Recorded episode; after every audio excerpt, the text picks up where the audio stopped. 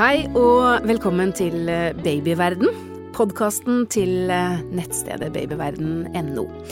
Jeg heter eh, Karine Næss Frafjord. Jeg jobber i Babyverden som redaktør og journalist. Og i dag skal vi snakke om hvorfor det er viktig å vaksinere barna våre. Ordet flokkimmunitet kommer ofte opp når vi snakker om vaksiner. Så er det sånn at vi vaksinerer oss ikke bare for egen del, men også for å beskytte andre. Og likevel så er det noen som ikke vaksinerer barna sine. Og vi ser også at sykdommer som vi trodde var utryddet, eh, kommer tilbake. Dette her er vanskelige problemstillinger, synes jeg, Margrete Margrethe Greve Isdal. Eh, velkommen til oss, forresten. Tusen takk. Du er overlege og spesialist i barnesykdommer ved Folkehelseinstituttet, og jobber jo med disse problemstillingene om hvorfor det er viktig å, å vaksinere barna våre. Mm. Men hvorfor er dette også et vanskelig spørsmål, selv om det kanskje er opplagt for de fleste?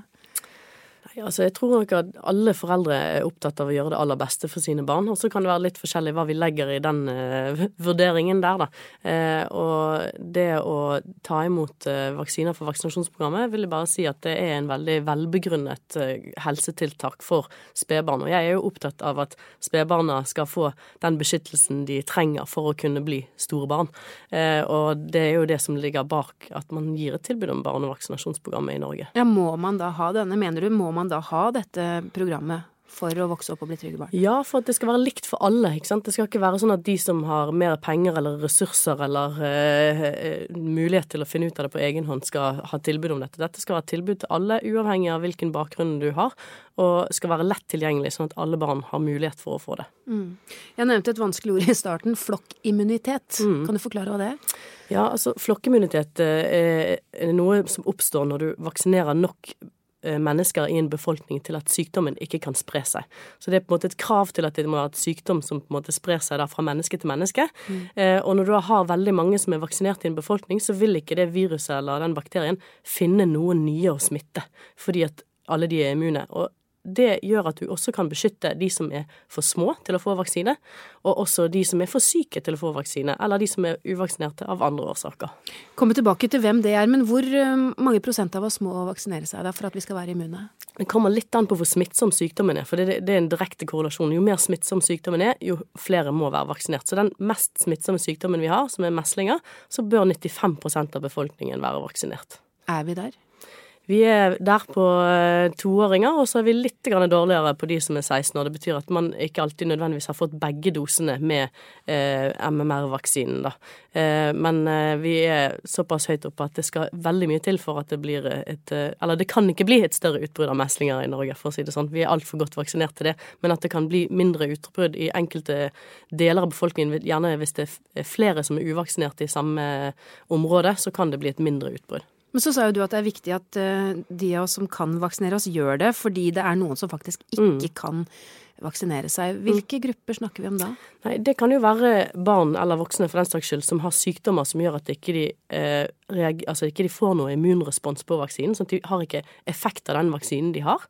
Eller det kan være barn og voksne som får behandling som gjør at de ikke kan få vaksiner, eller mister den immuniteten de hadde. Og det er for eksempel, det klassiske eksempelet er jo barn med kreft, eksempel, som på en måte da ikke kan få vaksiner fordi de får cellegift, og ikke har nytte av de vaksinene de har fått tidligere fordi cellegiften også ødelegger det tidligere eh, immunminnet man hadde fra før.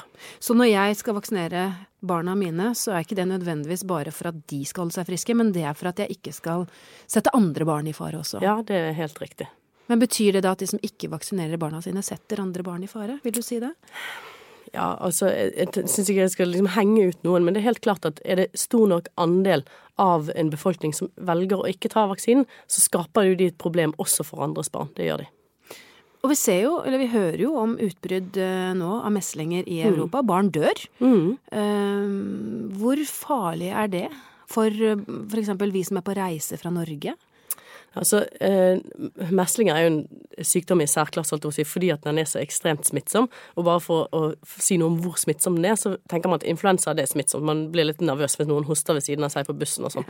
Men influensa smitter vanligvis 1 til 1,2 andre. Sånn du er på en måte tett på. Meslinger smitter 15-18 andre i en uvaksinert befolkning.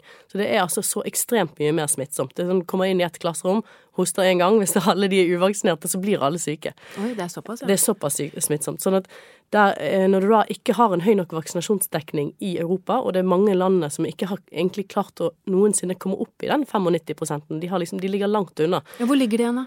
De ligger kanskje på 85% for eksempel. Så vil du på en måte ha 15% av befolkningen som til enhver tid er mottagelige for eh, smitte, og da kan det spre seg. Og da vil det jo gjerne spre seg først og fremst til de 15% men siden det er så smittsomt, så kan det også smitte til noen andre som allerede har fått vaksinen, men da blir du vanligvis ikke så syk, og du har ikke så stor sjanse for at du smitter andre. Så du har både en mildere sykdom og en mindre smittsomhet hvis du er vaksinert. Men hvorfor er det sånn at eh, man ikke vaksinerer barna sine i Europa i så stor grad som vi gjør i Norge? Nei, altså det er nok eh, mange grunner, eller forskjell, mange forskjellige grunner til det. Eh, veldig ofte så kan det jo være det at vaksiner er blitt glemt, som gjør at man på en måte har falt ut av programmet, eller at det har vært sykdom på et eller annet vaksinasjonstidspunkt som gjør at man ikke har fått fulgt opp senere. Eh, eller det kan være at man ikke tror det er noe grunn til det, for vi ser ikke sykdommene lenger. Eller så kan det være at man er redd for bivirkninger, eller en kombinasjon av disse. Hva tenker du om det? At det er så mye skepsis der ute? Nei, jeg syns jo det er synd, for jeg tenker at vi er jo et informasjonssamfunn som på en måte Etter hvert så bør vi jo klare å komme gjennom med de nyhetene om at vaksiner faktisk er effektive, og de sikrer at barn faktisk blir større barn. Altså de, de gir en trygg oppvekst hvis du er vaksinert.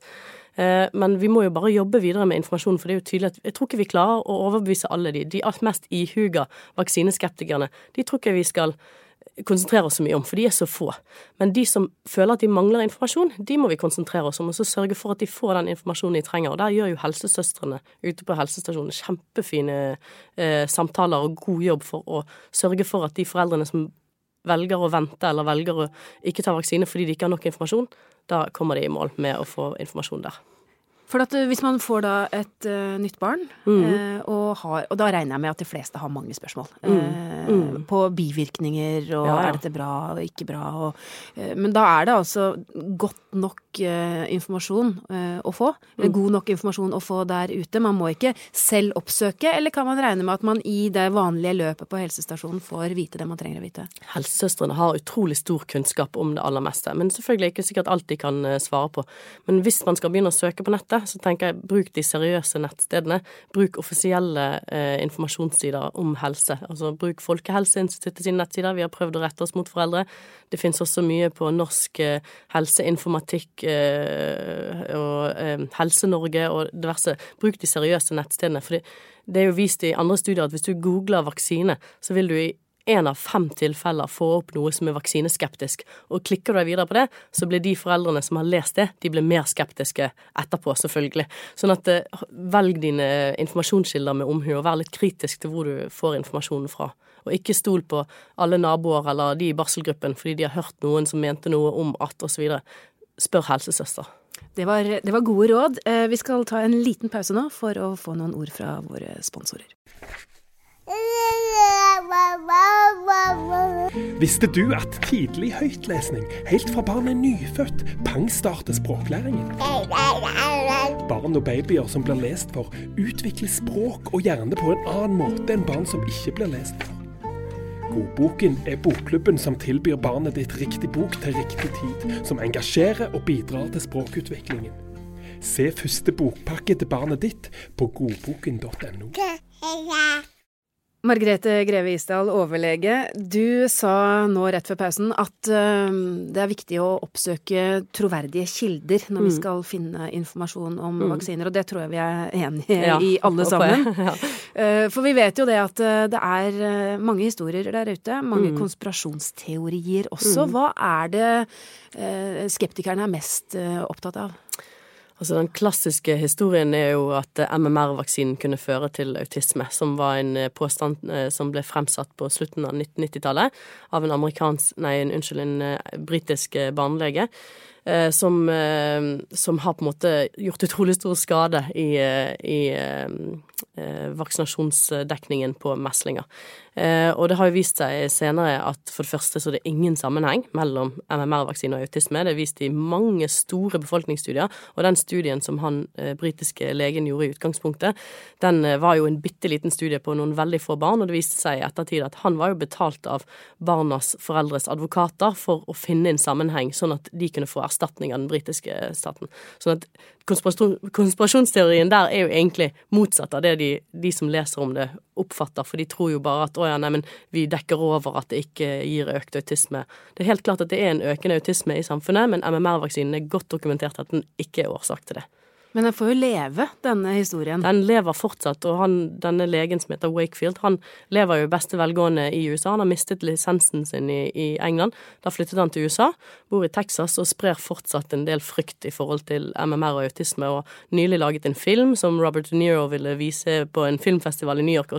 Sånn at det er på en måte stadig vekk eh, oppblomstring av denne teorien som er så, grunn, så veldig grundig tilbakevist. Det viser jo at det opplysningsarbeidet dere gjør da, i Folkehelseinstituttet er jo kjempeviktig. Ja, jeg håper jo at vi når ut med det også, så det er veldig viktig og fint å kunne sitte her og så kunne nå ut til, til nybakte foreldre og fortelle at det er ikke noe sammenheng. Mm.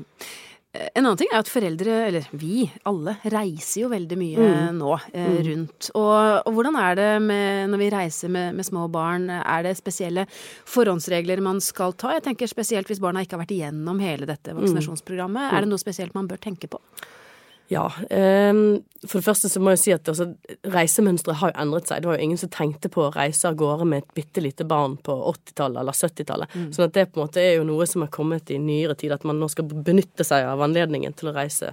Og da tenker jeg at man må kanskje velge reisemålet sitt litt uh, med omhu. At uh, man kanskje ikke skal velge de absolutt mest eksotiske reisemålene, hvor, uh, hvor det kan både være andre sykdommer og også veldig dårlig helsevesen. og så er det det at det er selvfølgelig en fordel at barna har fått i hvert fall eh, to runder med vaksiner før de på en måte er ute og reiser. Hvor gamle er de da? Nei, Da vil de være rundt et halvt år gamle. Altså det er tre og fem måneder er de første injeksjonsvaksinene som gis. Eh, så må du ha tid til å la det virke.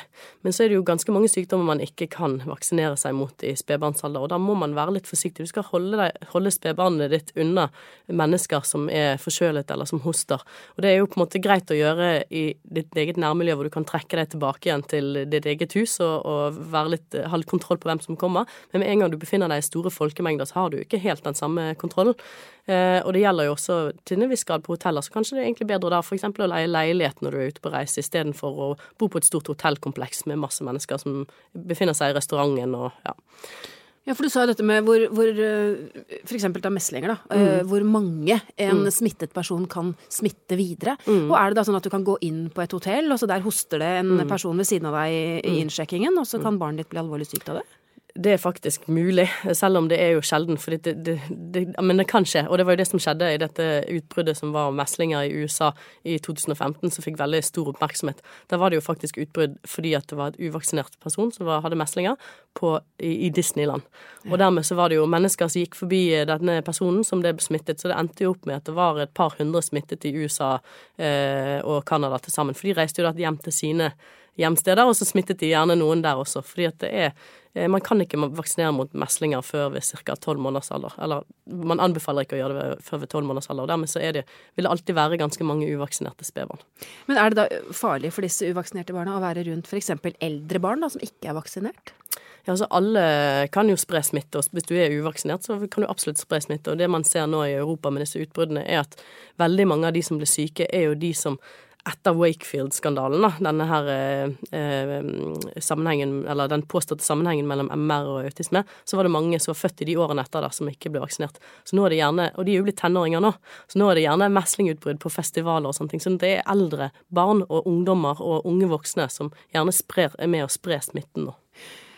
Enkelte land i Europa vet jeg, de tar jo nå til orde for at det skal bli obligatorisk å mm. vaksinere seg. Det er det jo ikke i Norge, det er mm. fortsatt uh, frivillig. Men hva tenker du rundt det spørsmålet? Jeg tenker at vi kommer veldig langt i Norge med å gi god informasjon, sånn at folk kan ta det valget selv. Og det at vi har så høy vaksinasjonsdekning i Norge, viser jo at vi eh, klarer å nå ut med informasjonen, og at helsesøstrene gjør en god jobb, og at, vi, at folk, altså folk, der ute stoler på våre råd og anbefalinger om vaksinasjon. Og det er veldig fint, men det er ikke en selvfølge, så vi jobber jo for å opprettholde den tilliten hele tiden.